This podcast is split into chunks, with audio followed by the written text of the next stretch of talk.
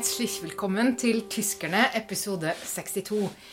I hjemmekontorstudio Ingrid Brekke og Kai Schwind, hallo. I dag så skal vi snakke om tre unge tyske menn som alle har stått sentralt i debatter i det siste. I ordspalten har vi et ord med en herlig dobbeltbetydning, og noen vil kanskje mene at det kan passe på en av disse tre mennene. Men så var det dem, da. Eh, Vi har bestemt oss for å begynne med den mest provoserende og ekstreme først. Så går vi over i partipolitikken, og så avslutter vi med en som er litt sånn mystisk. En som vi ikke egentlig vet hva heter, men som likevel har hatt veldig stor innflytelse. Og du, Kai, du hadde altså lyst til å snakke om en vegankokk fra Berlin. ja, Det høres kanskje litt rart ut. Eh, Det er ikke hvilken som helst vegankokk i Berlin, men en som har skapt veldig mye oppmerksomhet og diskusjoner og rett og slett trøbbel i det siste. Jeg tenkte vi burde snakke litt om Attila Hildmann.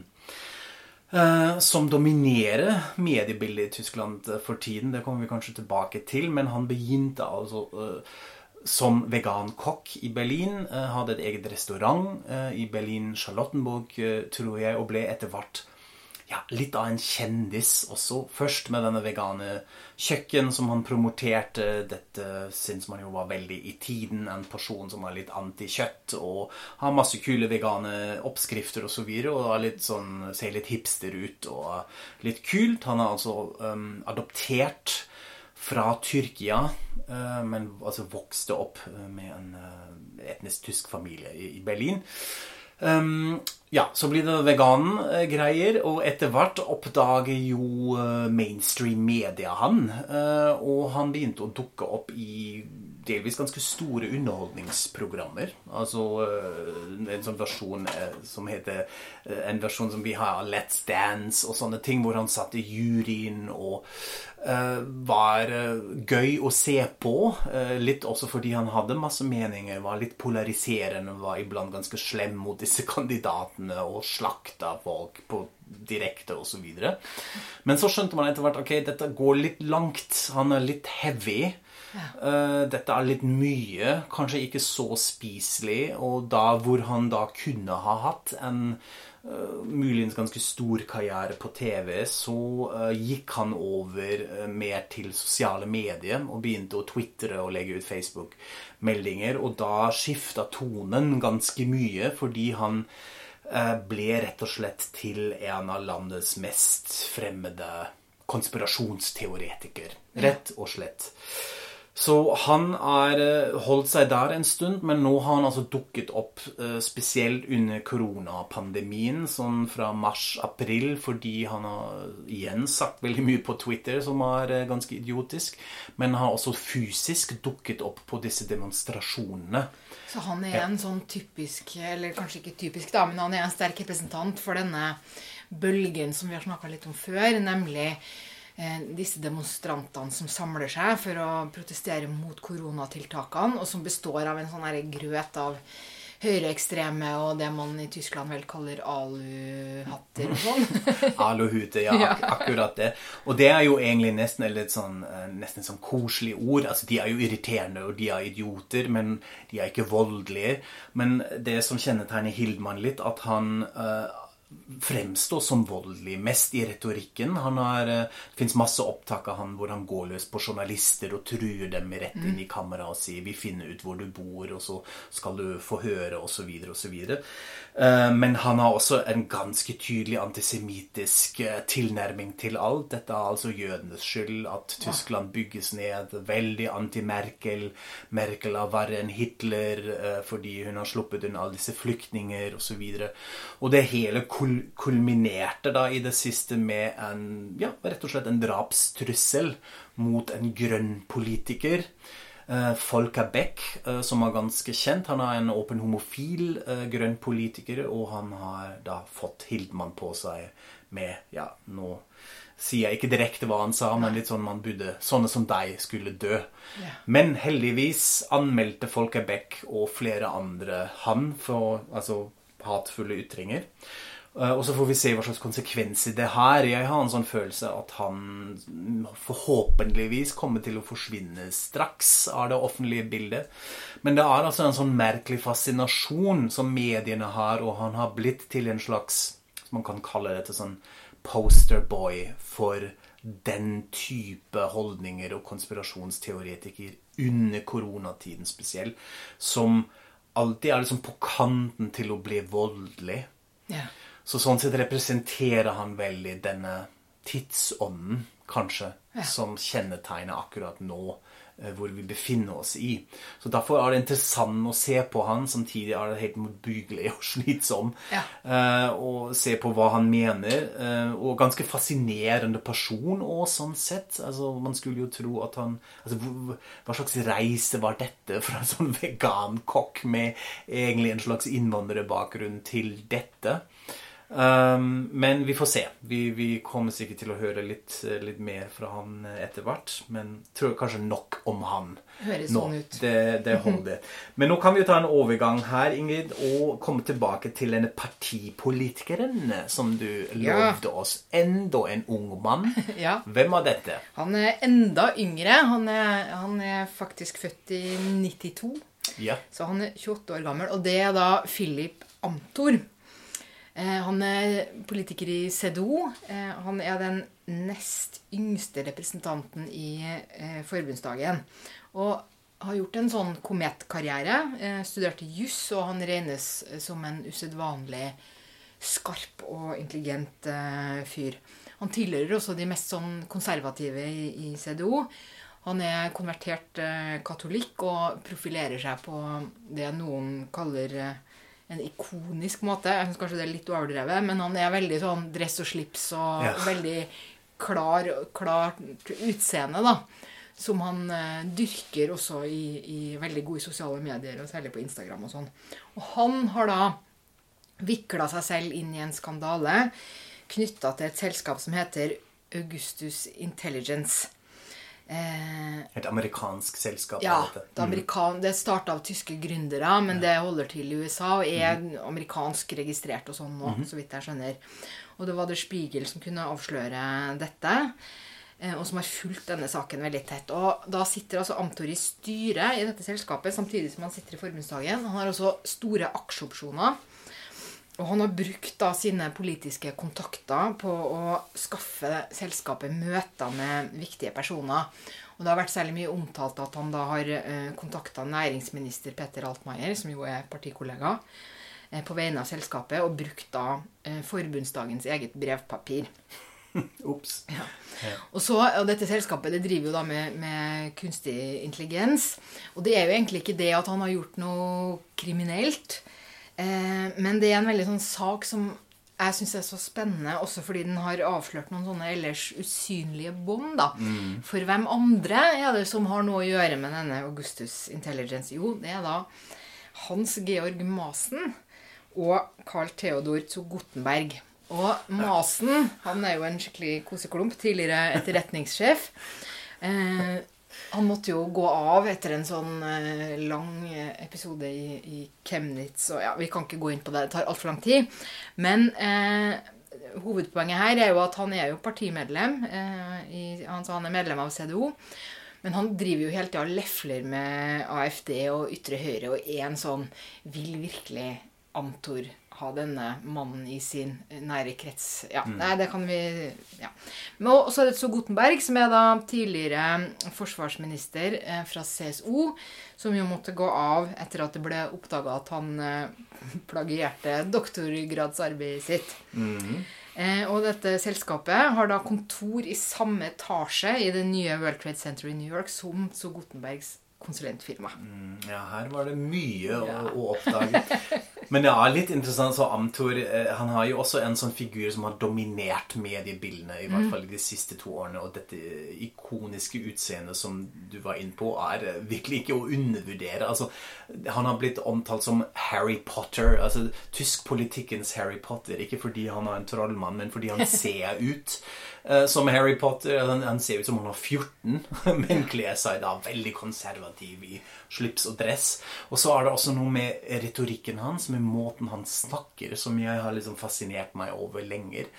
Fordi han snakker på en måte som vi kaller for druckreif på Ah. tysk.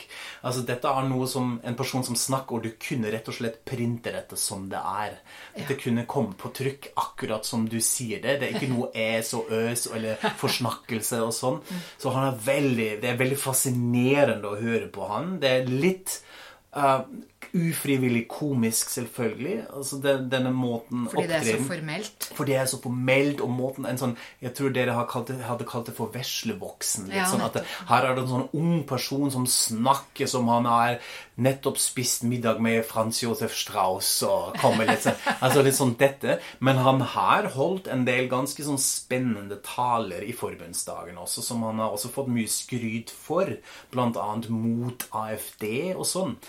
Eh, Men så er det da denne, denne skandalen som vi kanskje kommer litt tilbake til. Men en ting til som jeg har fascinert meg over veldig, og det er kanskje hans egen hvordan sier man det, sånn fremkomst i Mecklenburg-Vorpommern, hvor han altså er fra. Og det er spesielt under en valgkamp, da han først stilte opp. Eh, hvor han hadde altså alle meningsmålene mot seg. Da skulle egentlig en AFD-kandidat være litt sånn helt sikker den seier, ta seieren og gå få det mandatet å gå til Berlin. Jeg tror han leder med sånn over 20 og antar har 12 i disse første meningsmålene. Men så bestemte han seg ok, dette skal jeg klare, og kjørte en sånn elvill valgkamp over en hel sommer, hvor han bl.a. hadde en plakatkampanje hvor han offentliggjorde sin privat mobilnummer sitt private mobilnummer og sa her, ring meg, dette er mine handynummer. Ring meg opp, så snakker vi om det dere lurer på. Eh, og gikk fra dør til dør, møtte folk, og har antageligvis en veldig god måte å håndtere litt sånn mann og kvinnen i gata. Ja. Han er veldig flink til å snakke med folk. Så han klarte jo å snu denne trenden og vant mandatet og gikk altså videre til Berlin og slo denne AFD-mannen. Så dette skapte mye oppmerksomhet, også fordi han ble omtalt en stund i hvert fall, i hvert fall som en slags protesjé til, til Merkel. Ja. Eh, han fikk lov å uh, var, sitte i bussen med henne når hun kjørte valgkamp. Hun var, sto på scenen ved siden av henne, og hun har omtalt han som en sånn one to watch, altså en av de kule shooting Han shooting kommer jo stars. fra hennes eh, valgdistrikt. Ikke sant? Så de hadde litt sånn lokal patriotisme som Ja. de delte, kanskje. Eh, Men så forsvant det eh, etter hvert litt. Men han hadde mange støttespillere i, i CDU-partiet som har alltid eh, snakket varmt om ham og sa at dette er en stor talent, men ikke lenger. Nei, men, men det kommer tilbake, vil jo jeg tro. fordi at Ja. han er jo et så åpenbart talent. Og han er jo også en, en politiker som CDO virkelig trenger. Både det at han er ung, og at han kommer fra øst. um, og det at han er et sånt eh, retorisk talent og alt dette. Og en fordel med å være ung er jo det at du blir jo tilgitt for ting.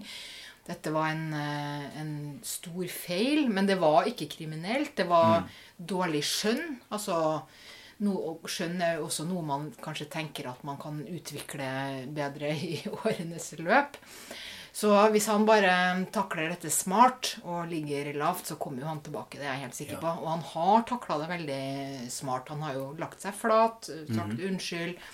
Alle som vil, kan gå inn på hans eh, Instagram-konto. Der kom det et nytt innlegg i forrige uke etter å ha vært stille veldig lenge.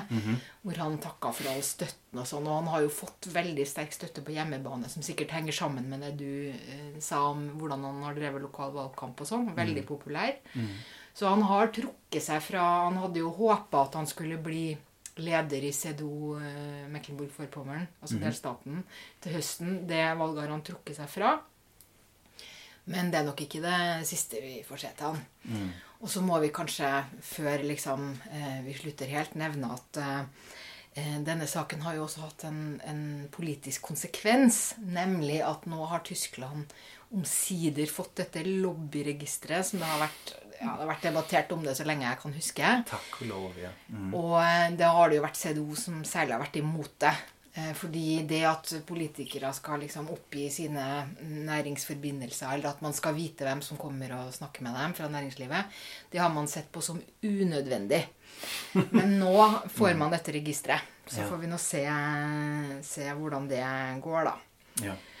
Og hvis ikke det lobbyregisteret virker, kanskje det blir en sak for den neste personen eh, vi skal snakke om eh, nå. Ja. Den vår mystiske mann, som ifølge Wikipedia er født antagelig i 1989, og antagelig i Wuppertal i Nordre Vestfalen.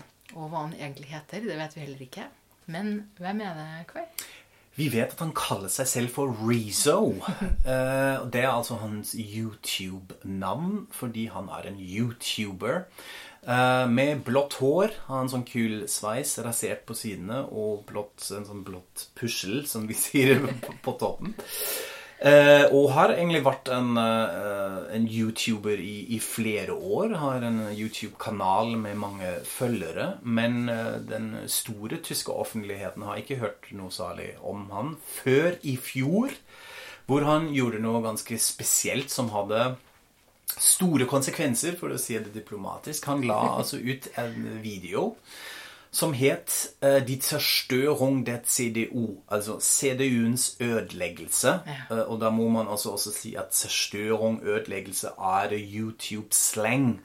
Dette betyr ikke at man skal fysisk eh, bombe noe i hjel, som man diskuterte ganske lenge eh, i Tyskland, faktisk. Det var mye snakk rundt eh, retorikken og ordbruk her, men at det er altså YouTube-sleng når man er kritisk noen, eh, mot noen, når man eh, tar fra hverandre et eller annet tematisk, så er det en ødeleggelse. Så han gjorde det. Dekonstruksjon ville man kanskje kalle det. Absolutt. ja. Vi akademikere hadde, hadde kalt det for en dekonstruksjon, men eh, for han hadde, hadde altså en zerstörung. Og hva var det han gjorde? Jo, han snakket i en drøy time om alt CDU og en del også SPD, som han morser litt sammen i den store koalisjonen, gjør feil. Eh, og fremstiller de som dårlige dårlig for Tyskland, men eh, holdningene de promoterer også for dårlig for verden. Altså, da snakker vi om næringslivet, om miljøpolitikken som var katastrofalt, eh, om eh, utenrikspolitikk, forholdet til USA osv. Han går gjennom alt dette. Uh, og det som kjennetegner han, at han er på en måte veldig flink og overbevisende i sin retorikk. Han snakker veldig fort, og det er masse fakta som kommer, men han uh, legger ved kilder.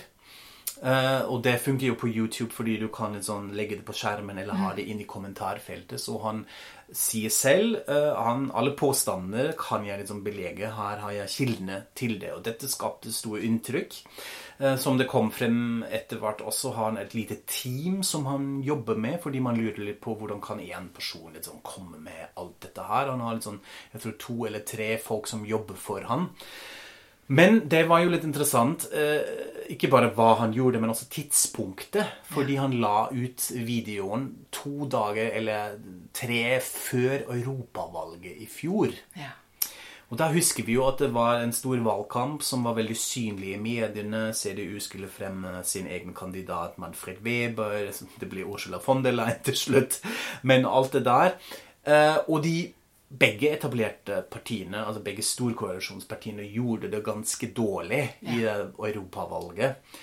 Og flere måneder senere, mm, men også eh, Nei, egentlig direkte. Vi må, vi må snakke sånn. Direkte skulle CDU svare på dette. Altså før valget. Før valget, fordi man så nå må vi komme på banen her, fordi dette blir litt eh, vanskelig hvis vi ikke reagerer på dette, fordi han har masse følgere. Og så gjorde jo ingen mindre enn Philip Amthor, Ja, nettopp. Som vi altså nettopp har snakket om, et svarvideo som han spilte inn i Konrad Adenauer House en kveld, og skulle legge det ut, men så blir dette dobbeltsjekket av eh, partiledelsen, eh, blant annet eh, Anne Greit Kram Karnbauer, og så konkluderte man, herregud, dette er for dårlig, dette kan vi ikke legge ut. Ja, dette husker jeg. Det ble aldri sagt sånn direkte, men det ble i hvert fall ikke lansert, og Amtor har selv gått ut i mediene etterpå, igjen lagt seg flat og har sagt ja, her var jeg kanskje litt fort, det var kanskje litt uh, dumt, jeg skal jo ikke representere hele CDU-en, men samtidig begynte han å like deler, altså like på engelsk, eh, og avsløre egne um, biter fra videoen. Han satt i et talkshow hvor man da viste enda et klipp, så han var tydeligvis ganske stolt av dette han har gjort. Men fra det lite jeg har sett selv, så er dette ganske pinlig. Eh, hva han prøvde å komme med sånn men, de, men de sånn. endte med at det var Peter Taube, generalsekretæren, som skrev en artikkel. Nei, hva, hva, det skjedde Ja, vi trenger ikke å Ja, altså de, de, formulerte et slags svar, men det offisielle var da en, en videoklipp fra en ung CSU-politiker. Eller jeg vet oh, ja. ikke om han var politiker, men en ung person som snakker på vegne av CSU, og ga et slags motsvar som da igjen Vi har jo dette fantastiske ordet på tysk 'fremtschemen', altså det å bli pinlig berørt på andre sine veier, hvor man tenkte 'Å, herregud, dere har ikke skjønt' uh, konteksten, hvordan det er i den YouTube-verden. Uh, og det er jo også det som er det som kjennetegnet dette her aller mest, fordi dette var en generasjonsclash her kom unge, unge, den unge generasjonen på YouTube på banen og viste påpekte dere skjønner ikke vår generasjon. Uh, I tillegg at, dette ble, uh, at det ble masse fakta som ble brukt. altså Det var ganske interessant. Men hele håndteringen, og dette innrømte jo også uh, politikere et år senere nå. Jeg leste nylig et intervju med H.C. Håfer hvor han sa dette var en katastrofe. Hvordan vi håndterte dette. Ja. Alle involverte fra vårt parti gjorde dette feil. Ja, vi har ikke skjønt At de faktisk tapte oppslutning på det. Ja, og det fins jo en uh, Jeg har også hørt det fra uh, generalsekretæren i SPD at man estimerer at de har muligens tapt 1 eller 2% i europavalget, begge partiene, basert på Rezo-videoen. Til i dag er det 17 millioner mennesker som har sett, sett, dette, så det nådde frem ganske mange. Han har altså innflytelse? Han har innflytelse, uansett hva man mener. Ja. Eh, fordi det er jo også noe med denne denne måten han snakker og ting man kan kritisere. Så siden den tiden, det er egentlig det som er ganske interessant, har han vært en, en virkelig relevant offentlig stemme. Han har satt på utallige paneldebatter og ble alltid invitert. Og nå har også da som mainstream media oppdaget han. Eh, og han blir gjerne invitert og trukket inn når man spør ja, men den unge generasjonen, hva tenker de? Så kan vi ikke invitere Rezo, så kan han forklare oss det. Og han er jo en veldig sjarmerende han er en veldig sjarmerende person, en veldig kul stil. Jeg syns det er veldig imponerende f.eks. at han egentlig stamrer. Uh, det skjønner man ikke når man ser på videoene, videoene fordi de er litt uh, redigert. Men når han snakker som fritt, så kommer dette frem, og jeg syns det er ganske tøft når folk som, som stammer, tør å snakke i offentligheten. Og det syns jeg er veldig kult. Uh, så han er veldig sympatisk. Um, men nå blir det jo spennende, fordi nå har han lansert enda en video. Uh, og dette er ikke så lenge siden, kanskje en måned eller sånt. Ja. Og nå har han altså angripet, eller prøvd å ødelegge mediene, som han kalte det. De zerstørung der mediene. Og da går han jo først og fremst løs på Bildzeitung, altså Tysklands største tabloidavis. Uh, men også uh, mot ganske etablerte, mm, store, anerkjente uh, aviser som FAZ, Frankfurter Allgemeine Zeitung og en del andre. Og igjen gå gjennom deres metodikk uh, og har en slags hypotese hvor han sier dette er egentlig først og fremst clickbait som dominerer nyhetene, og uten at faktaene er på plass. Ja, eller egentlig så er det jo uh, dette med Altså Man kan knagge det litt tilbake til han første vi snakka om, konspirasjonsteoretikeren. Mm. Fordi han innleder jo, sin, innleder jo sin video om å si det at uh, media legger forholdene til rette for konspirasjonsteorier og er med på å fremme dem selv. Fordi man er så uetterrettelig, ja. og pga. måten man skriver på, og at man bruker sånne triks da for å lokke folk som spiller på akkurat det samme. Mm. Og at man, hvem man lar slippe til, og, og, alt sånt. da. Ja, Så det er Da blir det plutselig ikke så god stemning lenger, også med en del av de etablerte mediene. Altså, han har jo blitt kritisert før, men man kunne ofte relatere det litt igjen til en sånn generasjonskonflikt. Ja, ja, altså her er de gamle journalistene som mener at dette er jo litt tull. Men her var det nå litt, kommer litt sånn neste steg. Nå blir det litt alvor. Og eh, FAZ lagde altså sitt egen motsvarvideo på dette, som jeg syns fungerte veldig bra. Det var ikke så mye fremskimen her. Det var ikke så pinlig, fordi de gikk litt løs på eh, metodikken hans også. Du har jo også sett det. Ja, nei, jeg syns det, det, var veldig interessant og til eh, De reagerte jo på, på noe som, eh, som, jeg også reagerte på, nemlig det, det eh, at han snakker om media som om det er en sånn stor klump. Som om liksom Fokus og ukeblader og FAZ og Bild og alle bare er én mm. ting. Mm. Eh, og han har også et slags krav eh, til mediene om at de skal være et slags leksikon. Som bare liksom skal drive og formidle fakta. Og så prøver han da å ta dem på, på alle sånne feil de gjør. Mm. Og så tenker jeg at på den ene sida, ja eh, Det er jo et slags problem media har. Eh, kanskje enda mer i Tyskland enn i Norge. Det at man jo spiller på forskjellige ting fordi man trenger eh, lesere. Og man er ikke bare et eh, leksikon. Og hvis man bruker det feil, så kan det bli trasig. Og vi tilhører også ofte konserner og forlag, ikke sant? hvor man driver med mange forskjellige eh, ting. da. Mm. Men jeg tror at det er riktig, sånn som FAZ-redaktøren eh, påpekte i denne motvideoen, at folk flest vet faktisk forskjell på et ukeblad på en tabloidavis og på FHZ eller eh, ARD. Altså, mm. man har ikke helt de samme kravene. Og det der med at eh, Det jeg egentlig ble mest provosert av, det var eh, hos Rezo, det var, det var, denne tanken om at eh, Han refererte til en artikkel skrevet av en, en FHZ-redaktør litt sånn tidlig i koronapandemien, som er sånn eh, Hva kan skje nå? Mm. Ikke sant? Eh, Hvilken vei går vi? Sånn, vil, hvor hvor forandra vil vår verden bli? Og så kritiserer han den for ikke å ha noen kilder og fakta. Så er det ja. sånn, ja, Men det er også en del av journalistikken at man driver kvalifisert gjetning om mm. fremtida eller konsekvenser mm. eller noe. Og da, det er klart det finnes ikke noe fakta eller kilder, for at viruset var helt nytt. Han snakker om fremtida, ikke sant? Men det er likevel noe som er interessant, fordi alle ja. går og tenker på det. Og det kan også eh, Det tilhører også en, en god avis sitt mandat å drive sånn kvalifisert retning, ja. tenker jeg da. Det er nettopp det jeg reagerte på òg, at det er ikke så mye kunnskap rundt journalistiske sjangrene rundt Rezo. Jeg så en debatt med han hvor han debatterte med journalister i Berlin og, og sa blant annet ja, det er litt sånn deres måte å gå frem. Jeg har en bachelor i jeg tror, logikk. Eh, og en sånn matema naturvitenskapelig, matematisk bakgrunn. Og jeg forsto logikk, den gamle greske uh, logikklæren. Så jeg argumenterer sånn, så for meg fungerer det sånn. Og så lo salen. Og han skjønte ikke hvorfor de lo. Det var litt sånn helt sånn Der skjønte jeg ah, her handler det litt om metodikk og forståelse og bakgrunn.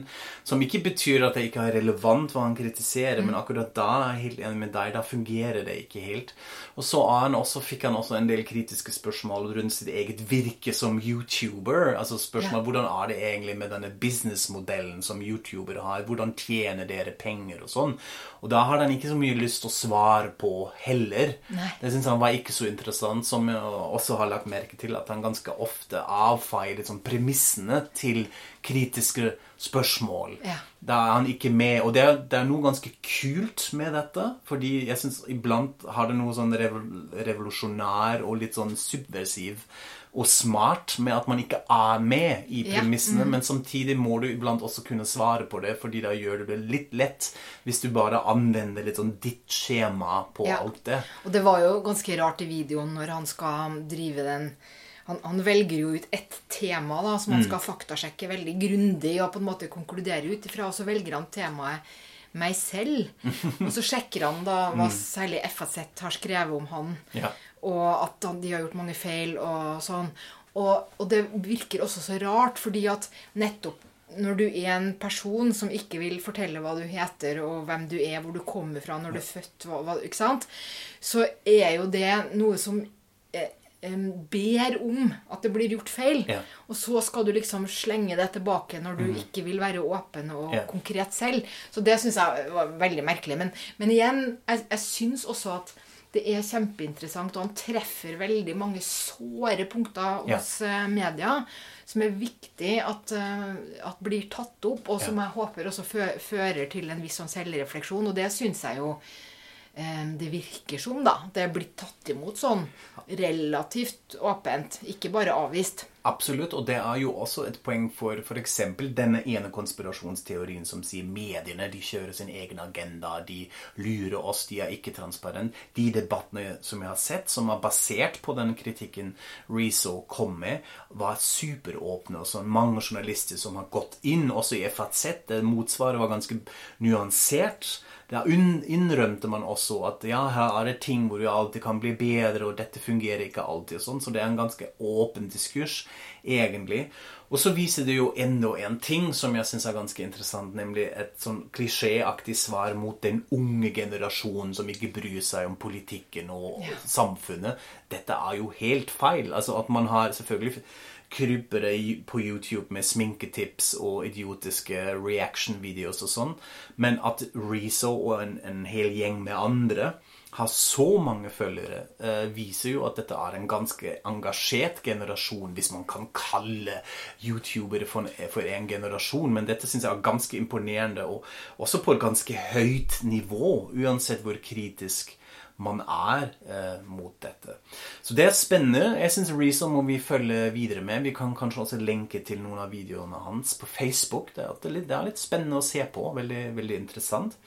Så kanskje som en slags fasit, alle disse tre personligheter som vi har snakket om i dag, de viser jo at man fortsatt i tyske mediene er, har denne fascinasjonen av sånne personligheter som kommer fram, som kanskje representerer en tidsånd eller aspekter av en debatt, men at det er så mye lettere å henge dette opp på personer Ja. uh, istedenfor å snakke litt mer abstrakt om det som er i samfunnet. Jeg vet ikke om dette funker som en slags rød tråd, men det virker sånn. Altså på godt og vondt, da. Ja, på godt og vondt tror jeg du har helt rett i det. At uh, man lar seg alltid fascinere av disse menneskene som trenger litt mer gjennom enn eh, en andre gjør. Ja. Ja, da tar vi ordspalten vår. ja. Ja, for det, nå er det du som har med deg et eh, ord, Kai. Ja. Eh, og da må jeg bare spørre, syns du at det passer på én eller flere av eh, de tre mennene? Ja, kanskje. Det kommer litt an på hvor man står. Eh, Jeg hadde jo muligens kalt Philip Amthor for dette ordet. Du Kan vi kanskje si det først? Ordet jeg har med meg, er mogelpakkung. Tja, hvordan oversetter vi det på norsk? Lurepakning. Eh, ja. Lureemballasje. Ja.